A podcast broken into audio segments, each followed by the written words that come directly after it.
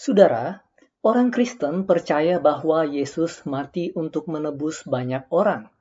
Akan tetapi, bagaimana hal ini mungkin?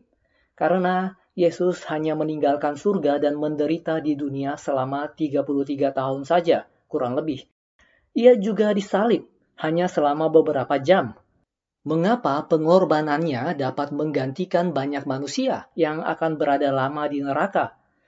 Yesus dikatakan telah membayar penuh hukuman untuk semua dosa manusia, padahal hukuman bagi dosa adalah hukuman kekal. Mengapa pengorbanan Kristus yang hanya sementara waktu dapat dikatakan menutupi atau menggantikan kita yang akan mati secara kekal di neraka? Nah, sebelum menjawab hal itu, mari kita mengingat lagi contoh mengenai derajat perbuatan Misalnya, menepuk seekor nyamuk tidak sederajat dengan menepuk seorang presiden. Derajat perbuatannya berbeda, dampaknya akan berbeda jauh. Demikian pula, mengabaikan atau melupakan binatang peliharaan tidak sama atau tidak sederajat dengan mengabaikan perkataan oma, nenek, atau ibu yang menyayangi kita. Ada perbedaan derajat ketika kita melakukan sebuah kesalahan, Kesalahan kita terhadap Allah berbeda dengan kesalahan kita terhadap manusia. Nah, contoh barusan dapat dibalik. Derajat orang yang memberikan bantuan juga berbeda. Sebagai contoh, Kim difonis berkhianat pada negara. Ia harus bekerja paksa di pertambangan kotor. Namun, Ibunya yang saleh dan baik hati menggantikan dia bekerja di tambang itu. Nah, tentu saja pekerjaan sang ibu jauh lebih bernilai daripada pekerjaan Kim.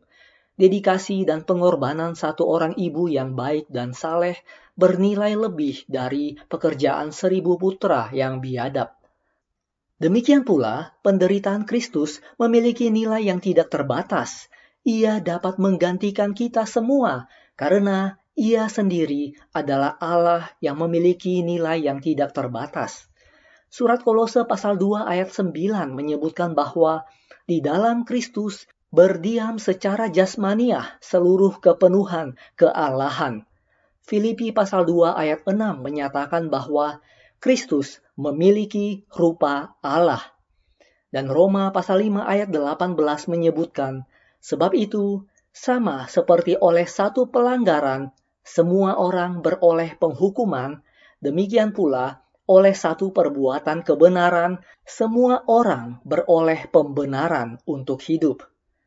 Seorang bapak gereja bernama Gregory Nazianus mengatakan, Demi saya, Yesus disebut kutuk.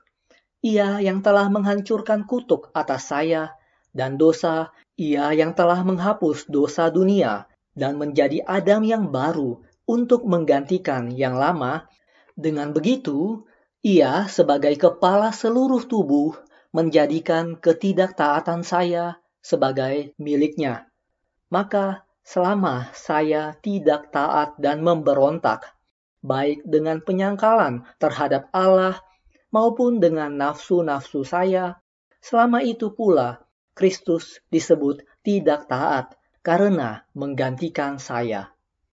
Saudara, apakah ada aspek tertentu dalam hidup kita yang masih perlu kita ubahkan? Dalam hal apa kita masih perlu menyesuaikan diri agar kita benar-benar taat pada Allah? Kiranya perenungan kita pada hari ini menolong kita memperbarui diri kita dan mengubahkan kita terus-menerus sehingga kita menjadi semakin baik. Semoga Tuhan memberkati saudara sekalian. Amin.